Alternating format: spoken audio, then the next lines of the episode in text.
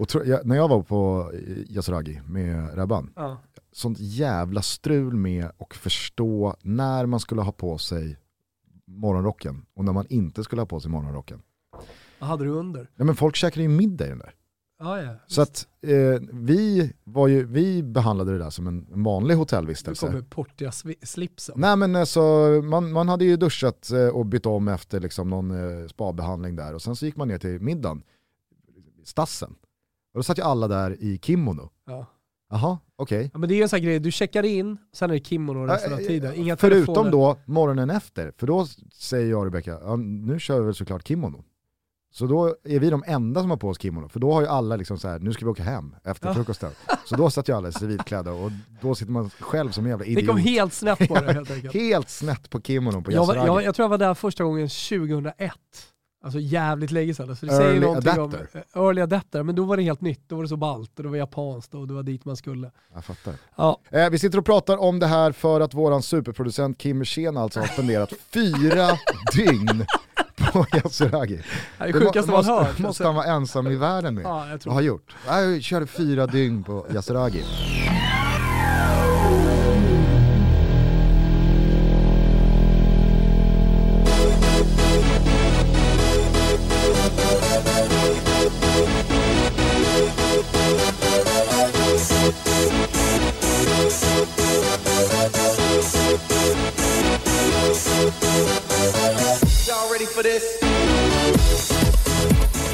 Ni lyssnar på eh, Sveriges näst bästa sportpodd Ja, eh, under 2021. Eh, presenterad av Sveriges bästa programledare 2021. Ja. Nej, eh, jag raljerar bara lite kring eh, avgörandet i Guldskölden som förkunnades igår. Jävla stort tack till alla som har både nominerat oss och röstat på oss. Vi kom tvåa, knappt slagna av eh, When We Were Kings eh, med Niva i spetsen. Ni som inte varit inne och röstat, ni kan ju stänga av här nu så behöver ni aldrig mer komma tillbaka. Det är inte svårare än så. Sist! Vad fan är det enda man kan göra? Vi gå in och lägga en röst. Vi har inte gjort någon jävla röstfiske, vi har inte gjort någonting. Jag tänker bara, folk går väl in och röstar? Nej, uppenbarligen inte. Klart man blir förbannad va? Jo, men vi kan väl fortfarande, ja det, det hör jag. Vi kan väl i alla fall fortfarande eh, från eh, djupet av eh, våra röstat, ja. hjärtan Absolut. tacka de som faktiskt har nominerat Ja, oss visst. och röstat på oss Sure. och lyssnat på oss. Eh, det är vi eh, väldigt ödmjuka inför och glada för. Jajamän. Eh, jag eh, tänker att eh, det är inte så mycket att spara på. Vilken jävla episk Champions League-kväll det blev på Santiago Bernabéu igår. Det var många som hade hoppats på det, men kanske inte riktigt trodde på det sett till vilken klasskillnad det var i Paris för tre veckor sedan och att PSG fick med sig ett gynnsamt resultat, att man eh, ja, men, eh, efter 10, 12, 15 minuter igår återigen tog över taktpinnen, dominerade den där matchen, gör ju mål både två och tre gånger eh, innan Real gör det. Mbappé känns ju som en fuskspelare från men minut ett också. Helt ostoppbar. Vem är det som tar gult kort när han liksom bara hoppar in i en hockeytackling? När han är på väg förbi på kanten. Jag tror det var Backe som sa liksom, han Ja, bara det är- det är driver. Ja det är Carvajal, ja, exakt. Backe säger, han, han driver ju bara förbi, han behöver inte ens göra fint. Han behöver liksom bara peta bollen Ja. 20 meter så kuttar han ikapp Ja, den. men det var lite så här Thi- Thierry Henry mot riktigt stabbiga brittiska backar Exakt, på men fram, tidigt framförallt är det ju 00-tal. ungdomsfotboll. Alltså någon som har puberterat snabbare än någon annan. Alltså 13 års eh, fotboll. Ja. När någon bara, liksom bara kutar förbi. Jag har en sån tjej i mitt lag ju- just nu. Hon springer liksom bara förbi alla. Hon bara petar och går. Det är tjockisfinten eh, inomhus liksom. Det är inga problem. Nej, men, eh, hur, hur, hur upplevde du matchen, kvällen? Vändningen, eh, magin från Madrid? Äh, men först och främst så vill jag ju säga någonting till pokerspelaren Bengan Sonnet va, som, som eh, hade spelat om. Vi hade ju en liten, eh, så här, vi var väldigt överens om väldigt mycket i våran inför Champions League eh, special. Men eh, när det skulle komma till den stora matchen, PSG mot Real Madrid, ja, men då, då, då räcker det inte med att vara pokerspelare. Då gäller det att man har några år på nacken eh, i, i det här gamet. Va? Ja, men, Då eh, klev de, man in med magkänslan. de historiska incitamenten måste man ha, liksom, eh, de, de kan man inte genväga Nej. sig till. Alltså jag ska säga det, Bengan Sonnert, han har ju slaktat rätt ut när det kommer Också till... i liksom, våra eh, spel. Ja, ja herregud, men, men alltså, de som följer Bengt Sonnert eh, genom Gambling Cabin, genom sociala medier, i Expressen, han har ju oerhört skicklig på även eh, sportspel och i, i synnerhet då fotboll. Eh, går ju som en... Känner går att du inte vill gå jävla... i clinch med honom riktigt Nej, men här det- med fast snart. pokerspelaren. Vänta bara. Va? Vänta. Ja, det, är ju, det är ju säkert en pokerturnering som går i helgen. Ja, men jag, Kan jag säkert säger, vinna tillbaka lite men i, precis som du säger, i det här mötet, hur man såg det framför sig, så känner man så här, Det jag såg Håll- framför mig, vet du vad, vet du vad jag känner? Nej. Håll dig till korten Bengan. Nej, men det, det, jag ser Håll dig sista halvtimmen, det är exakt det jag snackar om. Santiago Bernabeus otroliga kraft de här Champions League-kvällarna. Real Madrids historiska kraft. De gör ju också en bra säsong och de har ju spelare i det här laget som kan vara avgörande och som jag vet också höjer sig exakt i de här eh, tillfällena. Samtidigt som jag ändå tycker att det finns spelare, typ Messi, som inte höjer sig i exakt de här tillfällena. Och när det blir nojigt, för det blir det när det är 1-1, Mm. när det blir nojigt, då ser man på hela PSG att det darrar.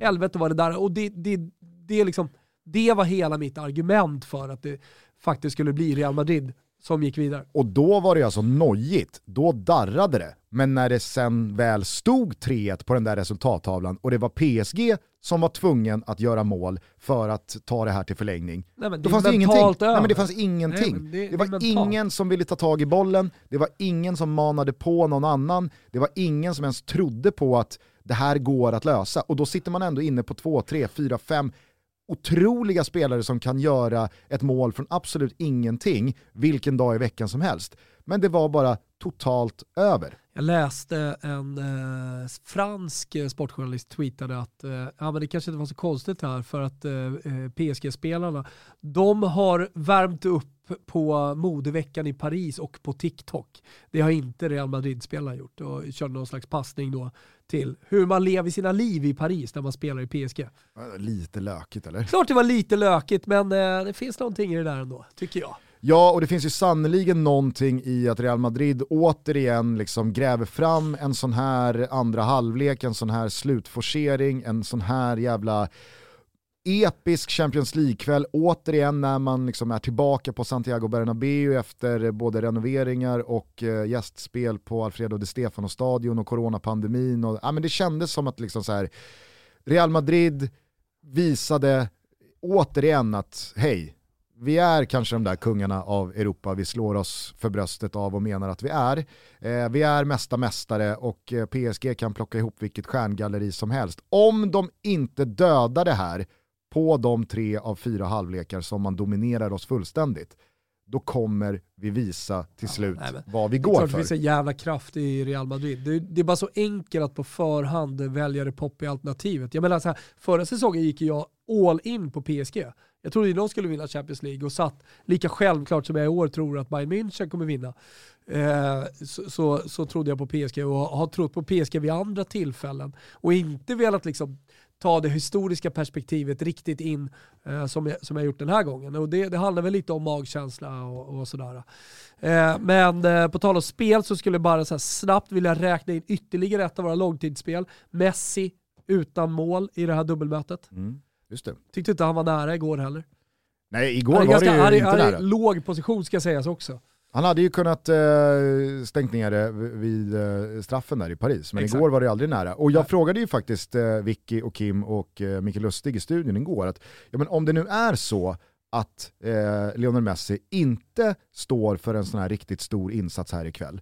För jag, jag har till fullo köpt in mig på analysen av att Messi inte är i PSG för att göra 4 plus 1 mot Lans. Eller för att han ska gräva fram sena eh, vinstmål borta mot Rennes. Eller liksom ånga på vecka ut och vecka in i Ligue 1 som har varit avgjord redan innan den började. Utan han är ju i PSG, han hämtades ju dit för att bli tungan på vågen i de allra största matcherna i Champions League.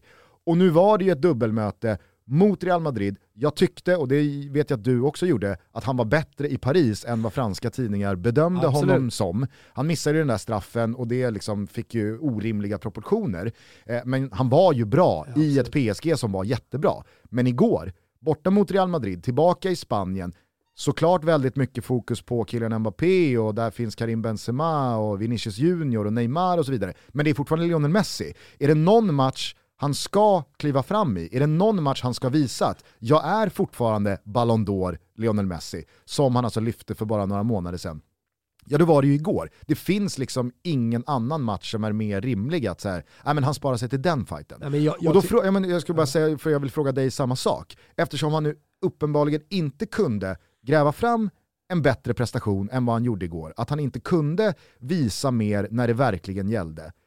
Ska man inte nu på riktigt börja undra ifall den där strömbrytaren eh, klickar lite, att den hackar? Den, den, den, den kanske inte kommer funka igen, eller? Nej, det tycker jag verkligen. Och jag menar, vi, kan ju vara lite, vi kan ju ha lite perspektiv när vi pratar om det i Toto Balutto. Vi har alltid ställt frågan till våra gäster.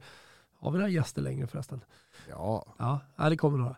Eh, vem är bäst i världen om du inte får välja Messi och Ronaldo? Det behöver vi inte ställa längre. Alltså, och, det, och det här har skett på ett år, eller? Att, att man känner Ja. Att man inte behöver eh, eh, lägga till det. Utan vi kan bara prata om vem är världens bästa fotbollsspelare just nu. Ta det bara till matchen igår, men även många andra prestationer som man har sett i eh, framförallt Champions League, där Mbappé totalt överglänser eh, Leo Messi. Alltså igår handlade det bara om Mbappé. Det var hans match, två bortdömda mål, eh, halvt friläge i första halvlek, eh, Courtois gör en bra räddning.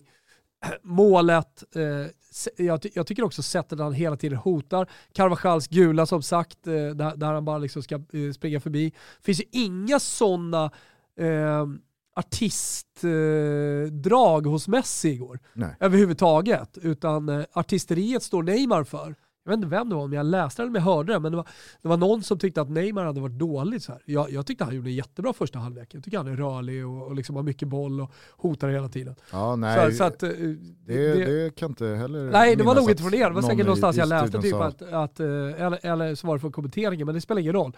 Jag tycker att han är bra också, jag menar så här, där, där finns det också artisteri. Mm. För det, det, det, det är ju det man förväntar sig, en fantasista. En spelare som passerar, en spelare som går på genombrott, en spelare som skjuter. Det är ju Messi, en spelare som gör skillnad. Igår fick han nästan fram en passning. Eh, så, så Mbappé blev fri men den bröts av en hemåtjobbande Carvajal som för övrigt var fantastisk.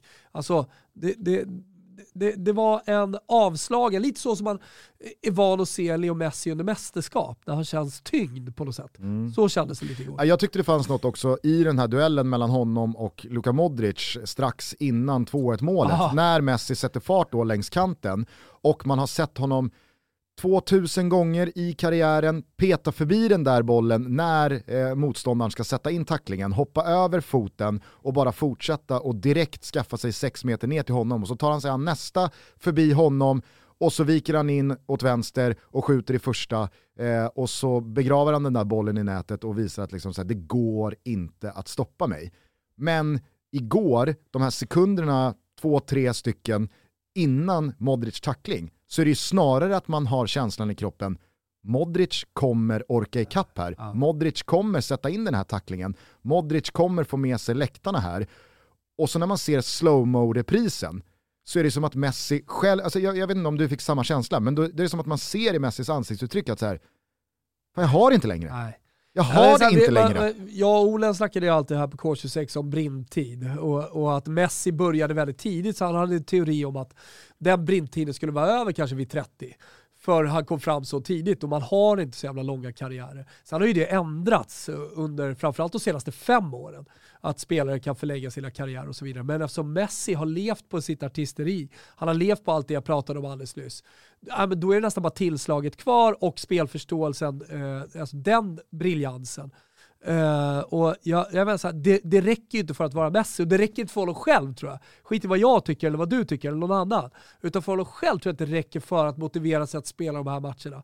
För han vill nog, precis som Ronaldo eller vem det nu är, vara på den absoluta toppen. Han, han, han vill vara huvudperson i de här matcherna. Absolut, men med så, insatsen igår... Här är jag ju på väg att svara på frågan ja. så att säga. Eh, så, med, med det sagt, nej jag tror inte det. För att eh, jag tror bara han kan vara bra i Barcelona, alltså så här, en comeback till Barcelona, vilket inte kommer hända. Det skulle kunna säg, få. Säg inte det. Ah, okay då. Säg inte det, men jag tycker att du liksom gläntar på en jävligt intressant dörr här nu. För att om det nu skulle vara så, för det, för det, det, det kan jag absolut känna att efter igår i PSG kommer han inte vara huvudperson. Efter igår så insåg ju Kylian Mbappé, om det nu inte redan är klart, att min framtid ligger ju i Real Madrid. Det är hit jag ska. Gjorde det dock väldigt professionellt att han hela tiden ja, visade ja, stor passion ja, i sitt spel och för PSG-tröjan. Och, och, firar och, alltså, så här, jag tycker att han har skött det här otroligt bra. Verkligen, där håller jag med dig. Förutom att Olof Lund då i, i förintervju sa han gick och kollade på arenan här innan så man inser väl att det kanske var... Alla som går in på Santiago Bernabéu och kollar på arenan, det går inte att göra det. Jag tänkte också på det, så här, vart, vart ska han annars kolla? Men men, det jag skulle säga i alla fall var att om nu då killen Mbappé lämnar PSG, jag har väldigt svårt att se att Lionel Messi då liksom laddar om batterierna och hänger kvar i Paris, i synnerhet om då Barcelona löser den här Champions League-platsen som de kommer lösa. Eh, det är eh, medvind i eh, de segrarna igen. Laporta är fortfarande en president som han och Messi har ju den relationen de har. Jag tror att Messi själv känner med den här erfarenheten och med den här säsongen i ryggen i Frankrike att nej men det är inte någon annanstans än på Camp Nou och i Barcelona jag ska vara. Å andra sidan så fyller då Messi 35 i juni och jag kan tänka mig att Xavi sitter ju en jävla rävsax där och då.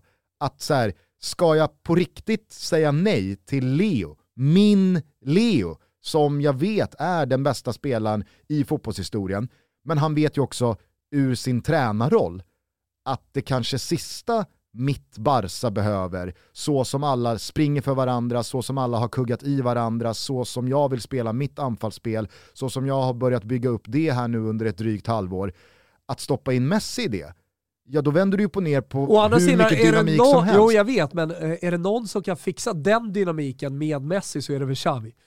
Alltså så här, det går ju att vända på det. Jag tror att Xavi under den här våren och till sommaren kommer sitta i lite samma sits som Jan Andersson hamnade i med Zlatan när Janne tog över landslaget. Att så här, och kommer landa i samma beslut. Ja, men, alltså, alltså, så här, även fast Janne aldrig själv skulle säga det så tror jag att Janne tyckte det var jätteskönt på ett sätt att han inte behövde liksom, så här, välja eller tänka utan det var så här, Zlatan tackar för sig, bra då går jag vidare utan ja. Zlatan. Och jag tror att Xavi också har känt så nu när han är tillbaka i Barcelona, att det var nog faktiskt ganska skönt att ta över eh, Barcelona postmässigt. Ja. Hoppas tror jag, att eh, han inte behöver ställas inför det. Men, men, eh, men, vi behöver inte fastna i Lionel Messi efter den här otroliga vändningen, ja, efter den här otroliga matchen. Ska säga Pochettino som kanske är rökt här nu, även om Leonardo efter matchen pratar om tålamod och att vi kan inte bara hålla på och sparka tränare bara för att det kommer en dålig match och så vidare. Nu Nej, var det inte ens en dålig match. Då vet du vad det betyder. Alltså, Exakt. Du kan ju Leonardo-formeln. Absolut, då är, man, då, då är det över. Allt Leonardo säger är ju bara vända 180 grader åt andra hållet. Det gäller ju alla sportchefer fast i synnerhet. Leonardo. Vi hade, vem var det vi hade i Allsvenskan nyligen som, eh, jo det var ju Pontus Farnerud. Mm. Håkan Mild gick ut och sa nej fan, Pontus, han, han, han litar vi på. Han är otroligt kompetent. Två veckor senare så var han sparkad. Eh, nej men eh, en, en sak bara utifrån hans liksom, matchplan och att i ledning 1-0 mot Real Madrid på bortaplan stå så högt som han gör. Så eh, jag, jag tycker så här, alla mål som, eh, som Real Madrid gör ja, men vänta, föregås... Nu, nu, får, nu får vi ta det i, i rätt ordning här. Alltså, vi kan absolut prata Pochettino, vi kan prata hans matchplan. Jag, jag är med dig, men PSG gör ju allt rätt i en match och 61 minuter. Sen så är det ju en situation som går att blåsa frispark för. I som vänder hela det här Kan du inte stå lågt och försvara en ledning, då kommer du aldrig vinna några titlar heller. Nej, fa fast men herregud, om Donnarumma antingen får frispark eller sätter den där passningen direkt till Marquinhos eller vem det är, eller bara petar ut den till hörna och det inte blir mål där, ja. så går ju Så gör man 1-1 och 2-1 och så går det till förlängning så vinner Real Madrid ändå. Nej. Det är inte ens nära! Det är inte ens nära på en dryg timme att Real Madrid ska liksom eh, jo, men det spelar ingen roll, om du bara pratar om de situationerna så tycker jag att det är naivt. Jag tycker att de står alldeles för högt. Alltså kolla på den Modric-passen ut, passen ut till Vinicius Junior. Man lägger den på ytan, han har hela jävla... Han har, han har en, en hangar att springa på. Ja, men det är ju efter 1-1 målet. Jag vet att det är efter 1-1 målet, men då står det 1-1, då är man ju vidare. Ja, absolut. Ja, Hej. Varför styr han inte upp det då? Hur kan den passningen få slås? Hur kan de, hur kan de få en hel jävla planhalva att springa på? Det tycker jag är för dåligt. Jo, samt, alltså, vad var det du sa? Man kan inte vinna några titlar om... Om man, om man inte kan försvara sig. Egentligen är det det det handlar om. Ah, okay. Om du inte kan försvara ledning. Ah. Om du inte kan försvara ett... Alltså, det är inte bara det, okej, okay, Donnarumma, det händer. Men det där är en kontring, och det är inte vilken kontring som helst. Det, alltså, det är från mitt plan. Nej, ja, ja, jag fattar. Å andra sidan så finns det ju en del lag som står jävligt högt, absolut. även i ledning och som gör det konstant. Det finns inte den här liksom paletten av att nej men nu sjunker vi lågt. Alltså det finns ju de som gör det. Lex jag Chelsea. Jag säger inte att de ska sjunka lågt, men du kan inte stå så. Med så få, de står med två spelare. Liverpool står ju så högt, Med precis två, hela tiden. Med, med två spelare. Ah, Ja, det kanske de gör. Max, Ja, skulle men- jag säga. Ja, ja. Det, det, det, det, men, då ska vi hålla på och jämföra deras taktik. Jag Jag vill inte säger- göra Jag säger bara att det är sjukt naivt att stå med två spelare sådär och lämna en hel jävla planhalva för Vinicius att bara liksom springa på. Jo, eller så kan man då eh, liksom, eh, ha det liksom, halvmesyrtänket som typ Rangiks United har. Att vi ska gå högt med vår första press. Men vi är för osynkade i den så att Harry Maguire faller av som en egen liten liksom, Beckenbauer-libro. Absolut. Eh, och så blir det fel precis överallt. För att om du ska sätta upp en hög press, om du ska liksom återerövra bollen högt upp i banan, men då räcker det inte att gå med två eller tre eller fyra spelare. Då måste du våga stå högt. Och när du har de snabba spelarna man har i PSG så köper jag att man, alltså så här, att, att, att man faktiskt spelar så även i ledning. Jag växlade, jag, naivt, vet du man vad, kan kalla vet det du vad? dumt. Jag, vä- jag växlade lite mellan er studio och eh, italienska Sky studio. Och där gjorde man rit på exakt de här målen Ja. och, och, och gjorde en poäng av det. Det var därför det fastnade hos mig. Jag håller med dig om att man i väldigt hög utsträckning bjuder på en yta där man är väldigt sårbara och där man faktiskt bjuder in Ja, det- det eh, Real Madrid att skapa väldigt, väldigt farliga lägen på. med de spelarna de sitter på. Vinicius snabbhet, Benzemas förmåga att lokalisera vart han ska vara, med passningsspelare som Modric som alltid kan trä in bollen precis på vilken kvadratmeter som helst. Vid bene, du ska väl se upp så att det inte händer. Ja, absolut. Men jag kan samtidigt också förstå att de riktigt, riktigt vassa lagen i dagens fotboll, de spelar det här otroligt Definitivt. modiga försvarsspelet av en anledning. Ja. Alltså, Men då förlorar man också.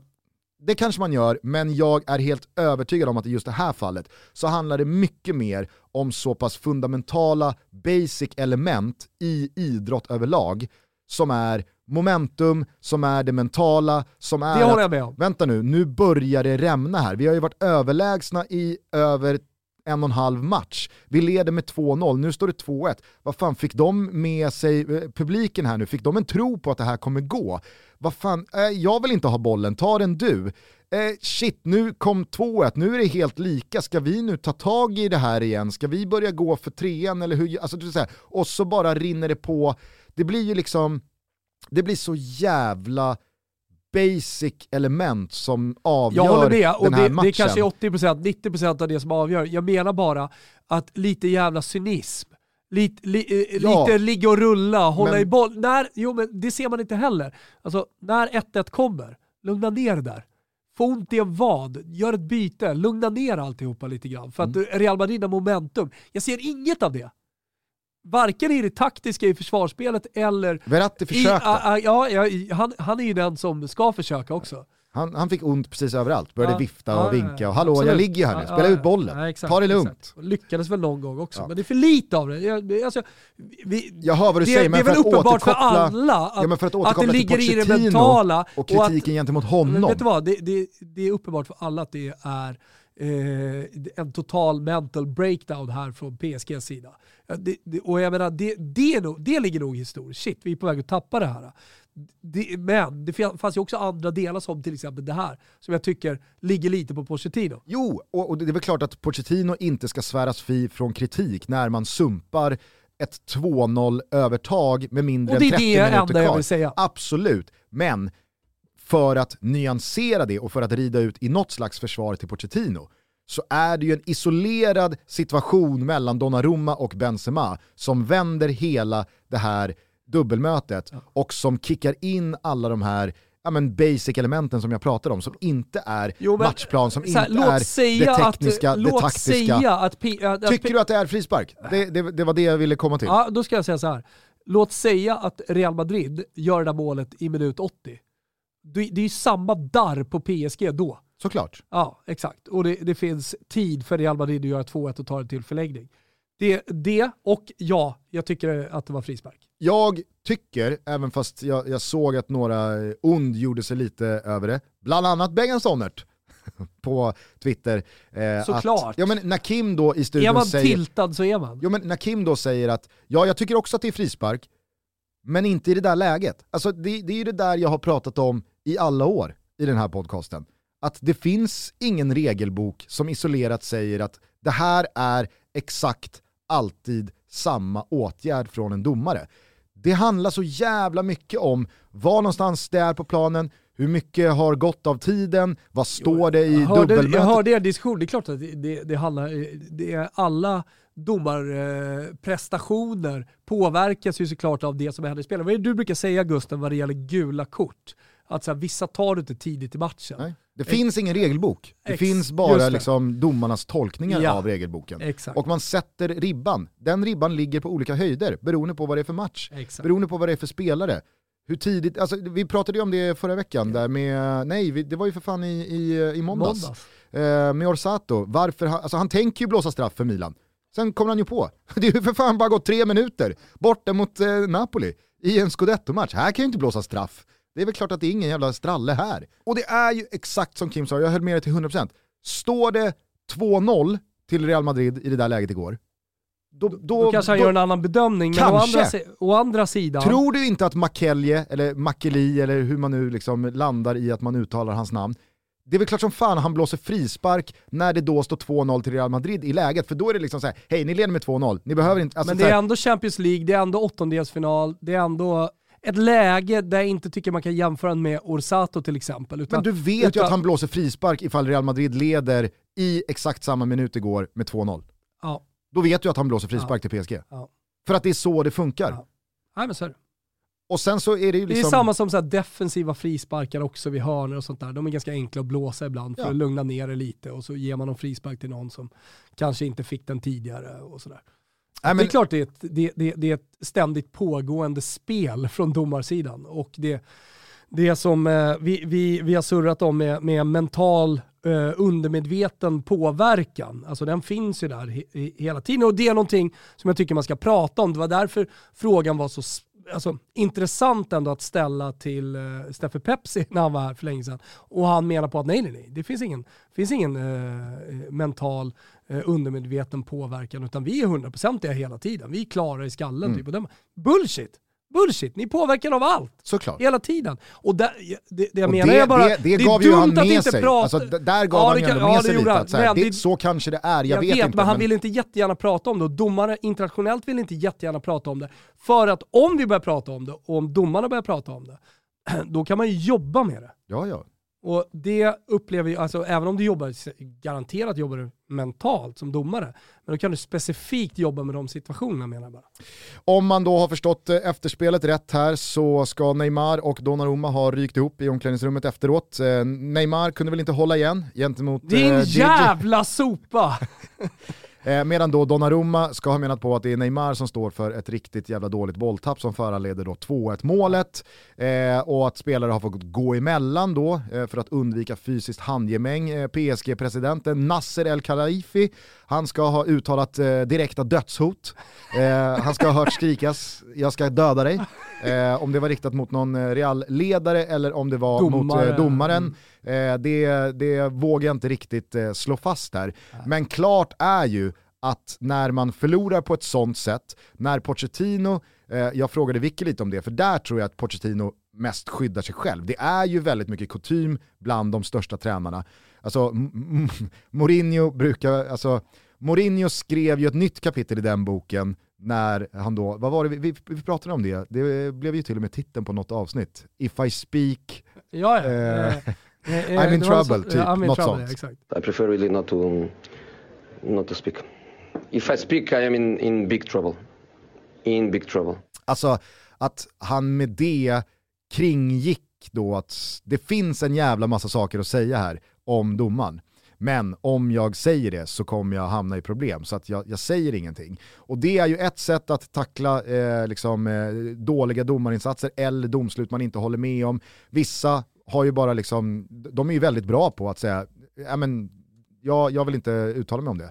Eh, eller det, det blev säkert, jag har inte sett situationen, bla bla bla. Men här så är ju Pochettino så, o, jag har aldrig sett Pochettino spela med så raka rör att det är disgrace och det är ett jävla skämt hur domaren och VAR inte kan gå in och ta den här frisparken. Och det måste ju vara för att han också skyddar sig själv.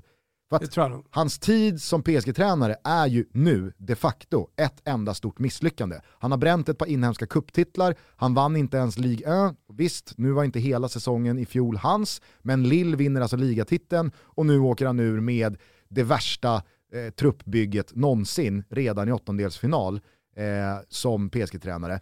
Otur med lotten kan man tycka, men ändå. Hej, visst. Men eh, ligatiteln som de kommer vinna här i vår kommer ju inte lappa ihop någonting. Således vet ju Pochettino att nu har jag ju ingenting att förlora på att... PSG eh, är liksom inte Spurs heller, eh, där, man har eh, dels förtroende och tålamod från supportrar, ledning, att jobba upp någonting över tid. Och det är därför jag aldrig trodde på Pochettino som tränare i PSG heller. Nej, men du är med För på vad jag att han menar är med inte att... den coachen som bara kliver in och gör några resultat och sen går. För i den absoluta toppen, då, då kommer tränare att gå. Alltså då, då, då vinner du titlar och sen lämnar du. Men du är ju med på vad jag menar i att när han då blåser på så tydligt och högt om att det här var en domarskandal, vi blir bortdömda här, så gör han det ju för att skydda sig själv för att narrativet efteråt ska bli att Pochettino har inte gjort det dåligt här, utan det är ju Makelje som dömer bort PSG här. Han kommer inte kunna göra någonting åt det narrativet för att i slutändan kommer man bara se att PSG åkte ut mot Real Madrid och att Benzema gjorde tre mål.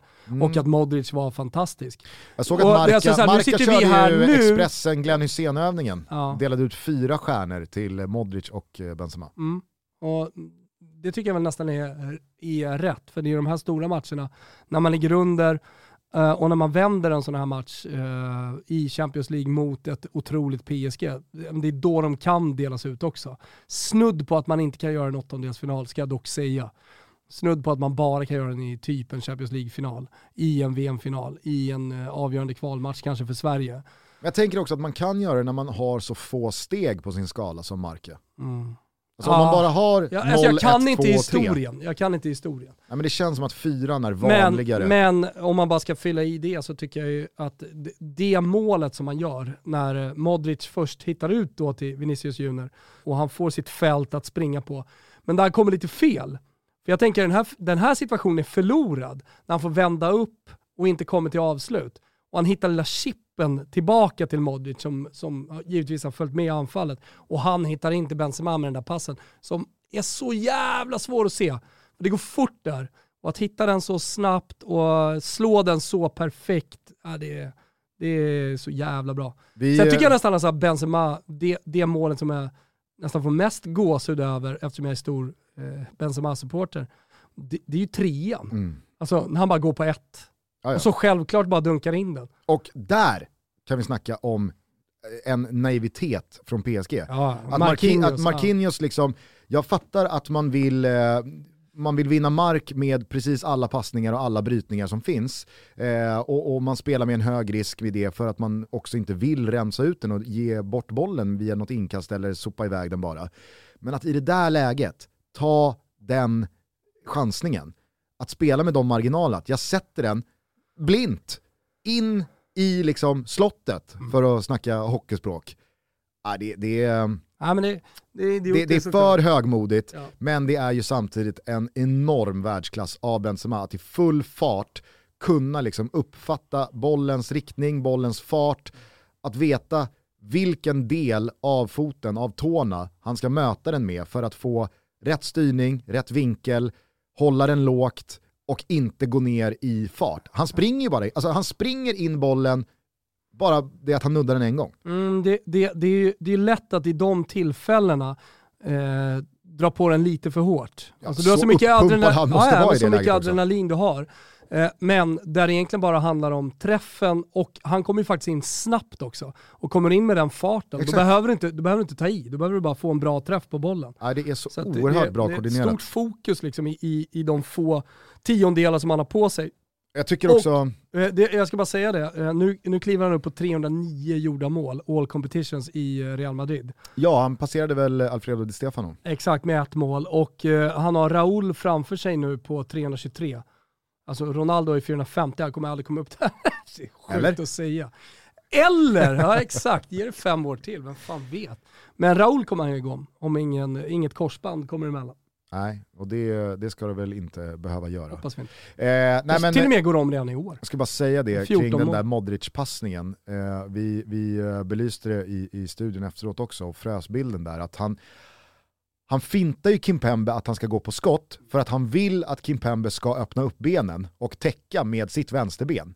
Och det är ju så jävla liksom tydligt hur han har exakt koll på vad han gör. För han är inte vriden åt Benzemas håll, han är vriden i skottposition, men han, han, han har ju aldrig ens tänkt tanken att skjuta. Han vet ju exakt vad han ska göra. Var, men han tänker nog redan... Och så håller han När Vinicius. Junior har bollen så tänker han, när han kommer springande, var är Bensen? Vad fan har jag Bens? Och Benzema ser ju, när han ser att Modric närmar sig straffområdet, för det är ju som Ja. du säger, Modric som drar upp det här anfallet också, att Benzema ser ju, nu kommer Modric på bollen, jag kan inte ligga och släpa offside här, jag måste upp men jag kan inte gå för högt upp för att det är så, det är så få meter yta att spela han in den här ha, bollen han på. måste ha vinkel och få bollen. Exakt, exakt. Så att när då Modric håller i det där skottet, i den där tiondelen extra, som gör att Kimpembe till slut går på att "Ja, jag sträcker väl ut benet Ja. här.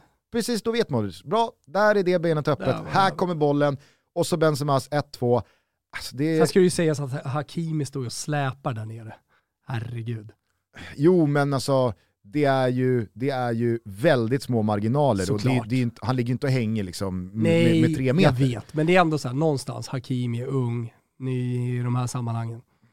Finns något i det. Ex Real Madrid. Vi är sponsrade av Pepsi, det vet ni ju om och eh, ni vet om att när våren kommer så är det vårpepsin som gäller. En isbit, lilla lilla droppen med eh, citron i. Man ska inte vräka på med is, man ska heller inte vräka på med citron. Har ni sett den otroligt imponerade skills-videon som eh, Messi och eh, Ronaldinho kör? Denna hur som helst ligger Pepsi Max bakom och eh, den tycker jag att alla ska se. Vi lägger ut en länk så ni kan se den här härliga återföreningen när de trixar tillsammans och man kastas tillbaka till eh, tidigt 2000-tal eh, när Messi var ung och eh, Ronaldinho var den stora, stora kungen på fotbollsscenen. Den är värd att se och det är alltid värt att dricka Pepsi Max. Yeah. Vi är sponsrade av K-Rauta och man tänker på massa olika saker när man hör K-Rauta. När man går in i ett av deras byggvaruhus eller om man bara går in på krauta.se. Just nu så tänker jag på spa. Gör du också det?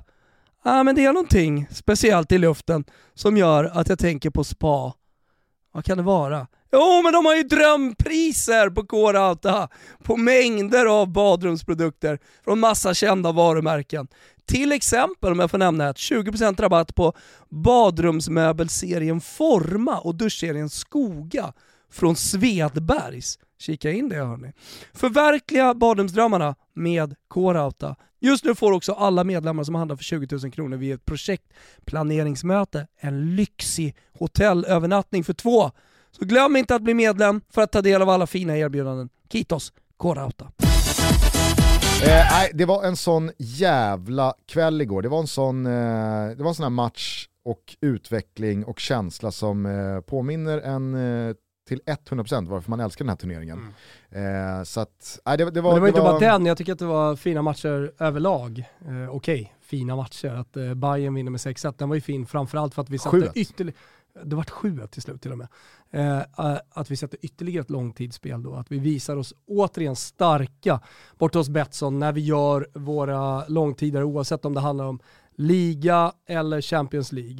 Eh, och nu står vi bra till. Eh, Salah gjorde inget mål, det betyder att han står 1-1 just nu mot eh, Vlahovic och Vlahovic har 90 minuter på sig mot eh, Villarreal att eh, hitta in med, med en liten pyts. Eh, så att, eh, ja, det, men ska man säga någonting, ska vi landa i den matchen då kanske, i Liverpool-matchen? Gustav? Ja, eh, man kan väl bara säga innan vi lämnar Bayern, jag tycker att eh, liksom, man, man ska applådera Geisle och Salzburg för deras Champions League-säsong. Alltså, jag tycker ändå de visar hur jävla långt man kan komma på ungdomlig entusiasm, på lungor och på liksom, tuta och köra, gasa framåt och försöka såra även de största bjässarna.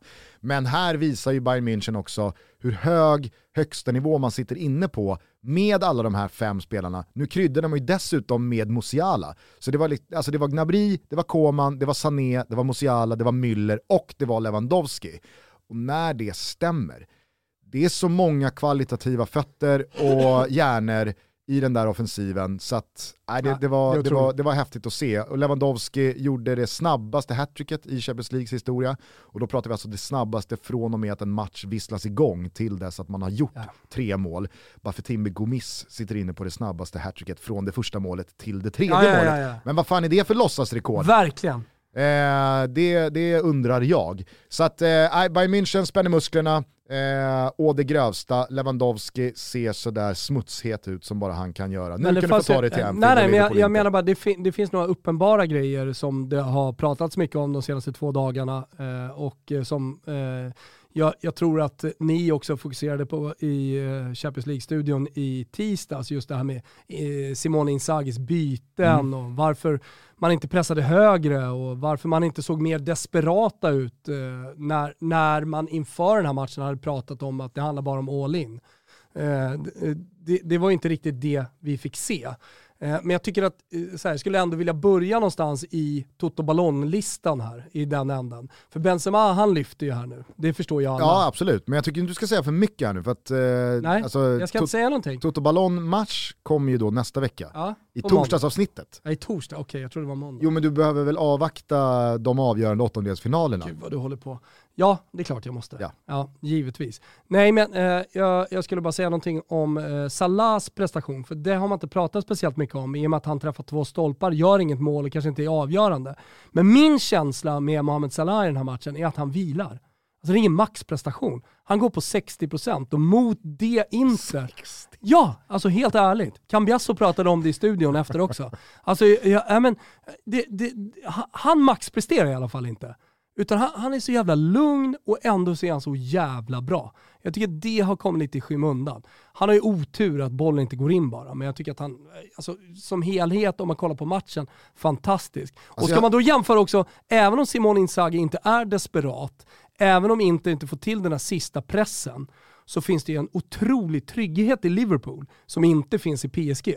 När det där målet kommer, de blir, okej, okay, Real Madrid går framåt på ett helt annat sätt. Men tryggheten i Liverpool tycker jag ändå är imponerande. Jag tycker, jag tycker det går att göra jämförelser mellan lagen där. Nu alltså, spelar Liverpool på hemmaplan, jag vet att det finns skillnader i det här. Det var på Santiago, Santiago Bernabéu, eh, Ancelotti, alla spelare efter matchen pratade om att utan den här publiken så hade det här inte varit möjligt. Eh, vi var höga på deras närvaro, deras sång.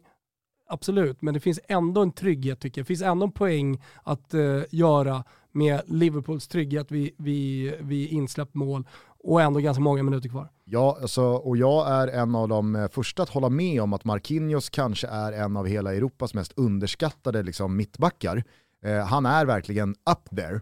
Men i just termerna av det här eh, lugnet, att eh, kunna kyla ner en backlinje, ett helt lag. Han skådespelar ju lugn, ja, fast exakt, han är inte lugn. Exakt, det är kaninpuls ja, ja. Eh, innanför eh, tröjan där, eh, sista minuterna igår. Att jämföra den Marquinhos med den van Dijk som de sista 10-15 minuterna vet att ja, alltså Inter är ett mål ifrån att kvittera det här. Ju, han lugnar ju hela det, sitt det lag med sin, med sin blotta närvaro. Exakt, absolut, där håller jag med dig. Men jag håller inte med dig om att Salas, eller Salas, jag vet inte varför. Alltså, man ändrar lite under säsong. Åslundskt. Går lite upp och ner sådär.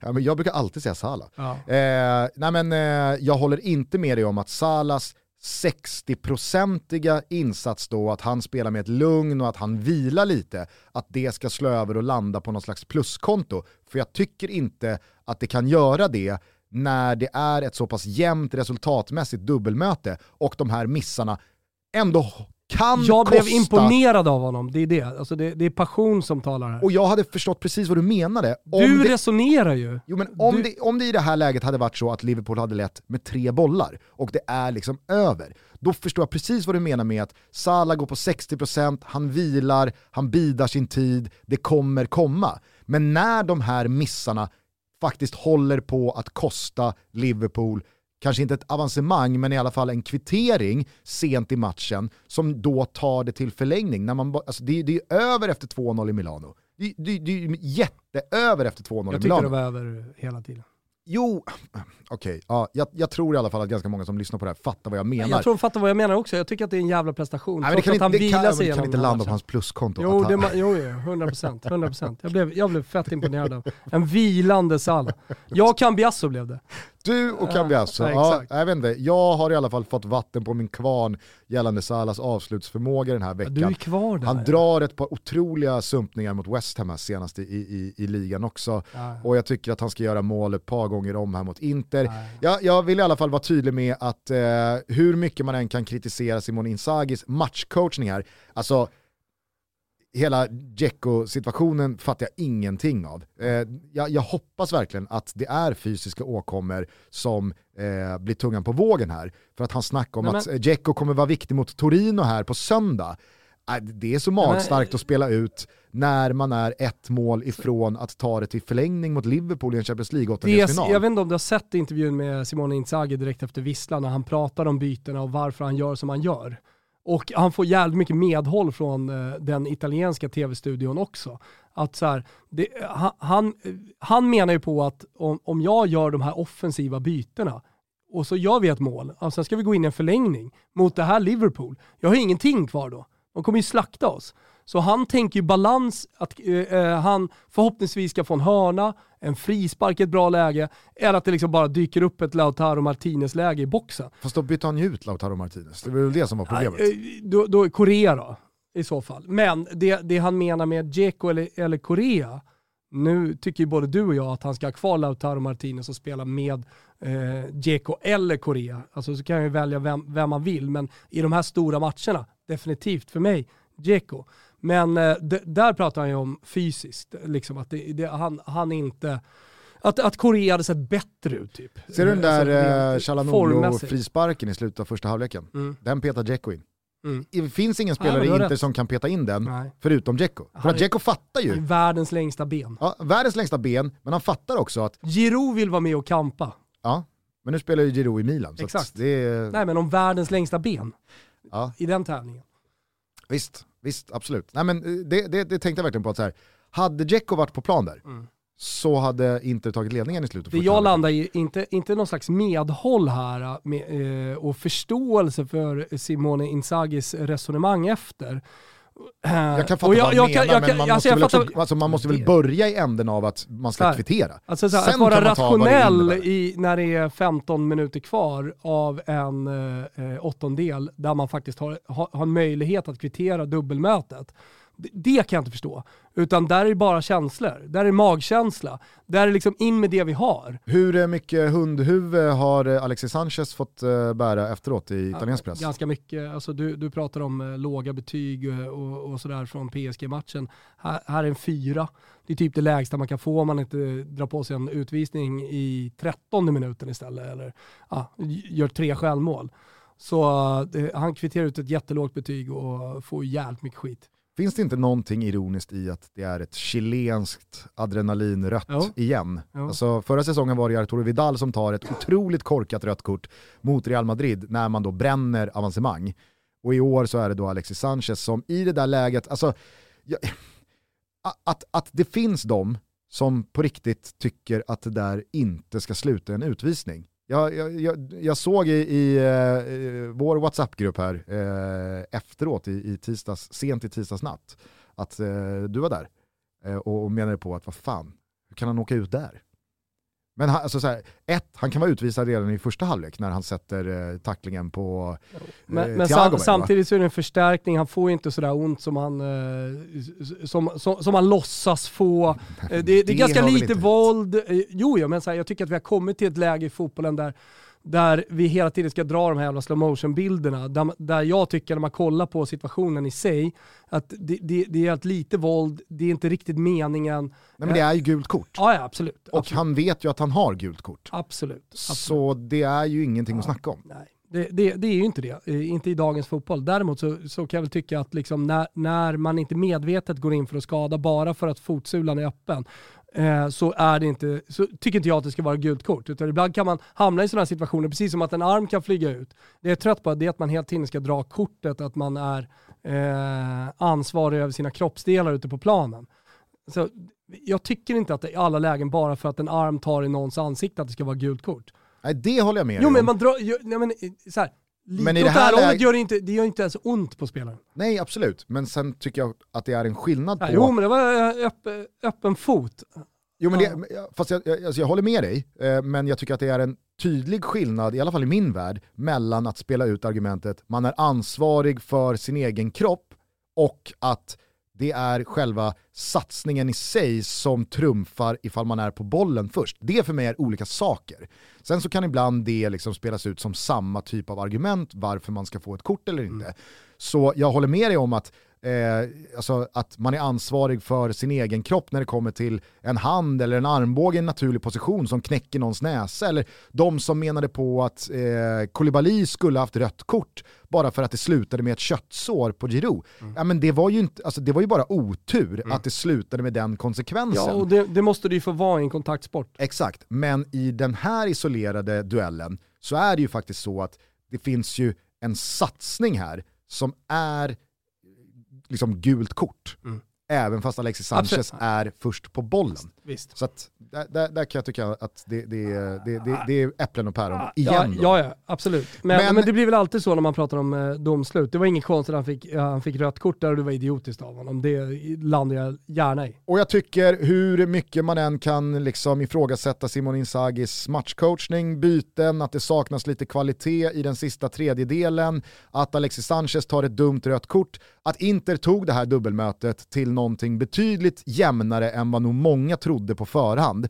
Att man absolut inte har någonting att skämmas över, men att Liverpool visar ju också vad skillnaden mellan de här två lagen är. När de lämnar deras bortamatch med 2-0 och Inter eh, gör det inte. Nej. Alltså det, det, det, är ju en Nej, men diffus men glasklar skillnad när det kommer till spetskvalitet. Exakt, och man har inte riktigt råd heller från Inters håll att uh, vara utan nyckelspelare som Barella till exempel. Exakt. Och då, där, då är det en helt annan match. Där blev det ju väldigt tydligt återigen vad det är för skillnad i bredd på de här Exakt. trupperna.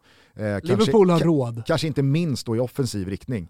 När Klopp kan förändra med de spelare han kan och eh, Simon Inzaghi står där med Gagliardini och Vesino och Darmian och gänget och, och skicka på dem när det är Inter som behöver jaga. Elixir Pharma. Lägg det på minnet. Elixir Pharma. Jag har ätit Elixir Pharma-produkter ganska länge och det är mitt absoluta favoritmärke när det kommer till just kosttillskott. För det är så otroligt viktigt när man nu går in och jag vet att det är många som gör det för man vill vara fräsch till våren när man sätter på sig sin vårjacka. Man vill slimma till sig lite, man vill helt enkelt inte när sommaren kommer stå i vassen. Och så går man in i en intensiv träningsfas och så glömmer man bort kosttillskotten. Jag tipsar om zink, magnesium, alltså du som styrketränar. Zink, magnesium. Otroligt viktigt. Och sen måste du smörja dina leder. Det är som en bil. Det är som motorolja. Omega-3. Käkar du inte omega-3, ja men då gör du själv en otjänst. Och tillsammans med våra goda vänner på Elixir Pharma så har vi på Toto Balotto tänkt att vi vill eh, bidra till en bättre folkhälsa. Är ni med? Ja, för det antar jag att ni är.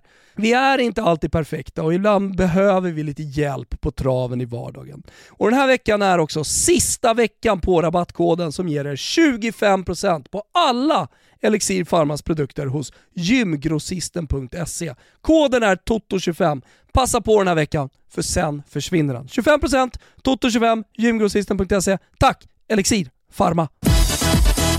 Eh, jag tycker inte vi behöver säga så mycket om eh, Manchester Citys avancemang mot Sporting. Det lades ju redan för tre veckor sedan. Eh, tur att vi inte behövde några mål på Herregud vad lack hade varit. Eh, det hade varit ett, ett snöpligt sätt att torska en, en sån där fin långtidstanke på. Men vi konstaterar att Manchester City, Real Madrid, Bayern München och Liverpool nu är klara för kvartsfinal när vi nu laddar om inför andra halvlek nästa vecka. Eh, men mer om det kan vi väl prata på måndag. Ja, eh, är det någonting annat som eh, du eh, har på, på hjärtat så här? Eh, men kan jag få säga någonting torsdag, om den jävla stolen bara för, att jag, bara för att jag vill säga någonting om den jävla stolen som alla bara håller upp eller? På bästa Micke Lustig-manér. Är det så? Ja, men det var alltså, det, det, det var väl väldigt liksom Micke Lustig-aktigt Jag, jag tänkte bara Emiliano Mondonico. Det var det enda jag tänkte. Det Aha. gjorde inte ni i studion. Nej det gjorde jag inte, men, ja, men jag såg eh, att du eh, rotade fram den här gamla bilden på dig och Christian Borell. När ni ja men det var en hyllning till den store tränaren Emiliano Mondonico som 1992 tränade Torino. Tror du Alaba också hyllade Mondonico? Ja men det, eh, jag, jag kommer till det. Om, om det var så eller inte, det vet jag inte. Men eh, det, det, det som hände var i alla fall att man spelade Uefa Cup-final i Amsterdam och eh, man blir helt bortdömda. Torino alltså. Alltså totalt. Och det är straff som inte blir straff och det är straff till andra laget som inte är straff. Till slut tappar ju Mondonico det bara. Han vet inte hur han liksom ska protestera mot domarna. Så han tar bara en stol och ställer sig på linjen och står och håller upp den där stolen. Det har blivit legendariska bilder i Italien. Jag förstår att de inte är det i Sverige. Det var en liten Men... föregångare till när Mourinho mm. började korsa händerna ovanför huvudet. Ja. För att visa att jag är tillfångatagen. Ja men det är ju, Le Manette, det är en klassiker också såklart. Ja, Dra mig själv ja, men alltså... ja, ja. ja, exakt, en, för, en föregångare till Körde det. du den i Sandviken i helgen? Eh, eh, nej, jag körde stolen bara. När jag fick gult kort, då ropade jag bara HEJ! Så fick jag gult kort. Men eh, nej. Eh... Känns det inte som att typ 85 lag spelade Uefa Cup-final på 90-talet? Jo. Alltså det, det, är så jävla var... många klubbar så... som tydligen har spelat Uefa Cup-final på 90-talet. Ja. Då fanns ju också den här Coppa Mitropa, jag tror att Mondonica har vunnit den med, med eh, Torino. Coppa Mitropa, Mitropa.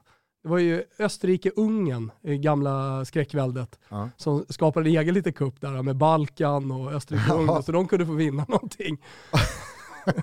jag har aldrig hört talas om. Nej, flöt på alltså. Pisa var ju runner-up 89 typ. och Torino ja. vann den så här, 91. Jag, jag, alltså, jag brukar alltid tänka på det när det refereras tillbaka till Uefa-cupen och cupvinnarcupen. Och det är alltid liksom 90-tal. Atalanta var där. Och, Par, Parma är där, ja. eh, Torino är där, ja. Galatasaray har ju varit där, ja, det, är, och så, så är liksom, det är franska gäng där, Marseille var där, Bordeaux var där. Det är, liksom, det är nya lag i de där finalerna varje gång det ska dras en parallell eller en anekdot. Exakt. Nej men eh, och eh, då tillbaka till att alla bara håller upp den här stolen, varför var det så speciellt igår? Jo, nu är ju Emiliano Mondolico sedan 2017 tyvärr avliden. May him rest in peace. Eh, men eh, den 9 mars är hans födelsedag. Så just igår då så var det ju liksom Mondonicos födelsedag. Och då håller Alaba upp en stol. Så då jag, måste jag, han ju haft koll på historien.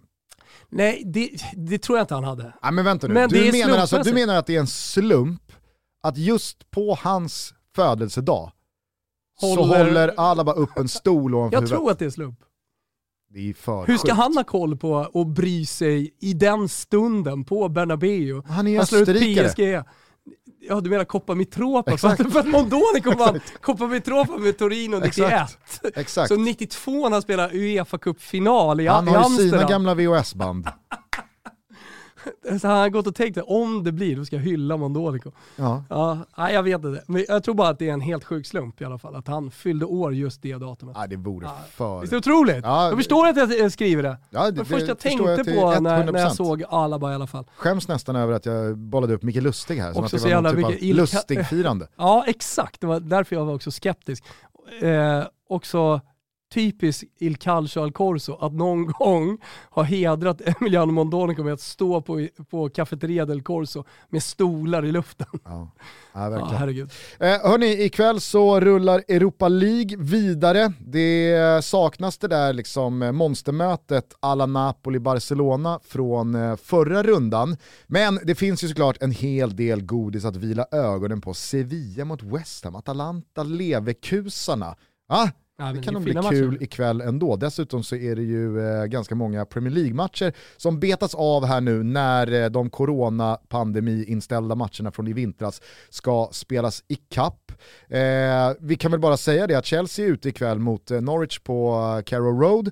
Och eh, det är ett eh, Chelsea som eh, står inför en ny verklighet. Kom här under förmiddagen att sanktionerna verkligen smäller på här nu och att Abramovic inte, om jag förstår det rätt, liksom, hinner sälja och att Chelsea då klarar sig undan ja, men de från... Fryser ju, Exakt. Chelsea. Och, Precis som de fryser alla andras tillgångar. Och jag vet, men jag uppfattade det som att hade Abramovic snabbt som satan sålt så hade sanktionerna mot eh, Abramovic inte spilt över på Chelsea. Men nu är, nu är fortfarande Chelsea cynisk. hans. Ja. Eh, och eh, det som har rapporterats här precis innan vi gick in i studion, det är då att eh, Chelsea får inte sälja några biljetter, de, får, eh, de ger dispens till årskortsinnehavarna, att de får fortfarande gå på matcherna och att typ kioskerna och restaurangerna på Stamford Bridge får hålla öppet. Men man får inte sälja biljetter, man får inte köpa några spelare, ingenting. Och det är ju liksom... Eh... Ja, men, och sen kan man väl komma i ett läge där, där, man kanske får svårt att betala ut löner och sånt där om man tänker att det här går längre. Så att det, om man inte får några intäkter, tänker jag, för det, där har du intäkter från Premier League för tv-rättigheter till exempel. Mm. Så det, det, det, det, är en jävligt svår situation som man hamnar i. Men jag är så jävla cynisk, jag tänker liksom att Abramovic han kommer på något sätt vinna på det här i, i en förlängning. Antingen medialt eller eh, eh, vad vet jag, eh, ekonomiskt. Framförallt så har jag så svårt att se att det här verkligen ska få sportsliga konsekvenser för Chelsea. För det blir På kort liksom... sikt så kommer man inte få det. Nej, och då menar jag, alltså, det, det hade varit att ta det liksom mm. för långt och skevt mot den engelska fotbollsklubben Chelsea som har sina spelare och ledare på plats för att spela fotboll. Mm. Alltså, jag, jag, jag, jag håller med dig, jag, jag är cynisk här och eh, jag reserverar mig och det grövsta för att det här kommer ta ganska många svängningar innan någon konsekvens ens blir konkret. Men eh, det verkar i alla fall vara hårda bud som gäller här. Det, det, det ses inte på med blida ögon här gentemot eh, Abramovic Chelsea. Eh, men med det sagt då så kanske vi bara ska återigen tacka alla som har röstat på oss i Guldskölden. Vi älskar er. Nu är det många tack alltså. Ja men vad fan, det är väl till... Börja med tack och du ska avsluta med tack, vi har kommit tvåa. Ja, ja. det är precis okay. vad jag ska göra. Ja, du gör vad du vill. Ta hand om varandra, ha en eh, trevlig helg. Eh, var med oss på söndag kväll när Fotbollssöndag Europa rullar vidare. Då är det Barcelona och Sassuna från La Liga. Men det är Torino mot Inter från Serie A som vi har huvudfokus på. Kul. Edin Dzeko utvilad och redo ta sig an Jag tror, eh, tror att det här var det bästa som kunde hända för Inter trots allt. Eh, här, falla med flaggan i topp mot Liverpool och sen så tycker jag i alla fall, man har ju fått en nytändning i ligan och så går man och vinner den för andra året i rad. Det, det, är, ändå, det är ändå en markering på något sätt och jag tror att de kommer ta det. Mm. Sorry ja. alla mina nisti. 20.00 precis som alltid på Simor Fotbollssöndag Europa. Vi hörs igen på måndag eh, när vi tar ner eh, ytterligare en fullmatad fotbollshelg. Jag hoppas också att eh, det då är lite klarhet i vad som eh, faktiskt gäller här nu med eh, VM-playoffet. Ja, nu har ju Fifa kommunicerat ut återigen då att Ryssland inte ska vara med, men med det där KAS-beslutet i liksom, bakvattnet så vågar i alla fall inte jag ropa hejen.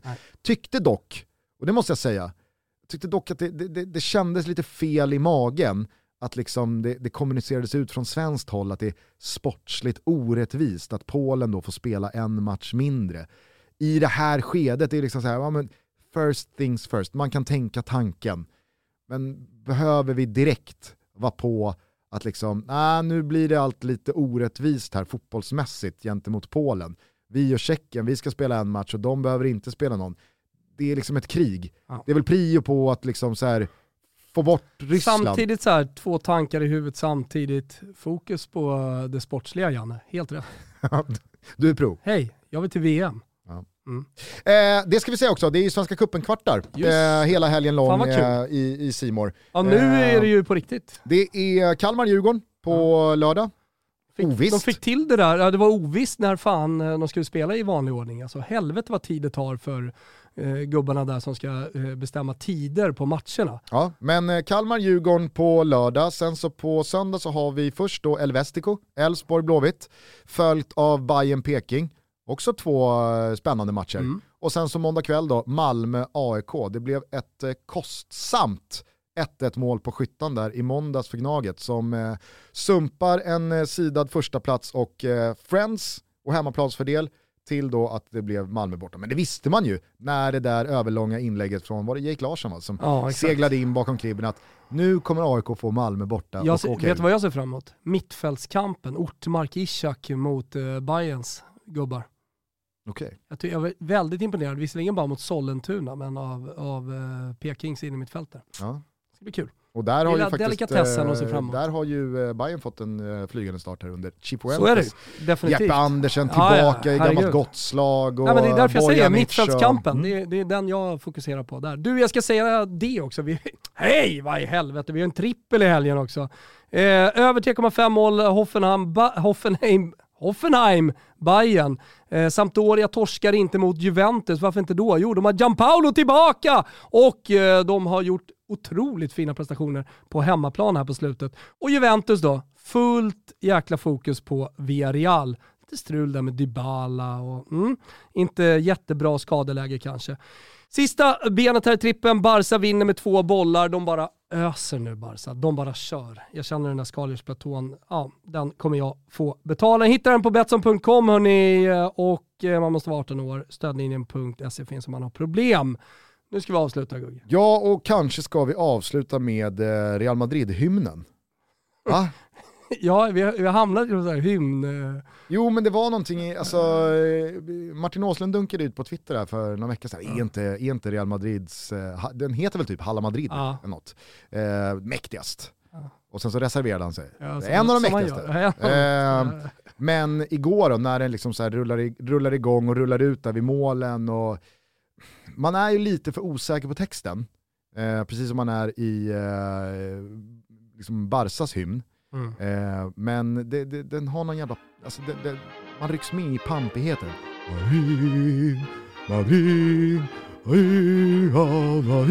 Rulla igång den då, ciao tutti. Ciao tutti, trevlig helg, vi hörs igen, ciao. Que campean por España va el Madrid con su bandera, limpia y blanca que no empaña, club castizo y generoso, todo nervio y corazón. Veteranos y noveles, veteranos y noveles miran siempre sus laureles con respeto y emoción. A la Madrid, a la Madrid noble y bélico Adalid, caballero del honor. A la Madrid, a la Madrid, a triunfar en buena lid, defendiendo tu color. A la Madrid, a la Madrid, a la Madrid. A la Madrid,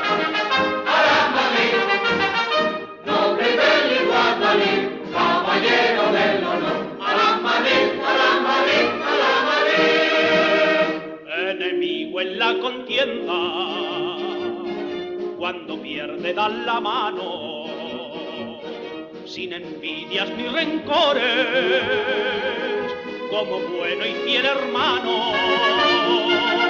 Los domingos por la tarde, caminando a Chamartín, las mocitas madrileñas, las mocitas madrileñas, van alegres y risueñas porque juega su Madrid.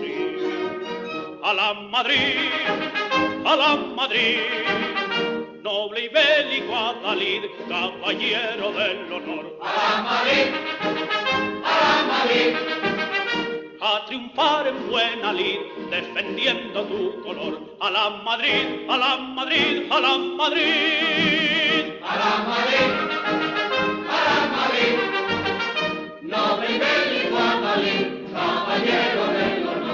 Madrid, a la Madrid, a triunfar en buena lid, defendiendo tu color. A la Madrid, a la Madrid, a la Madrid.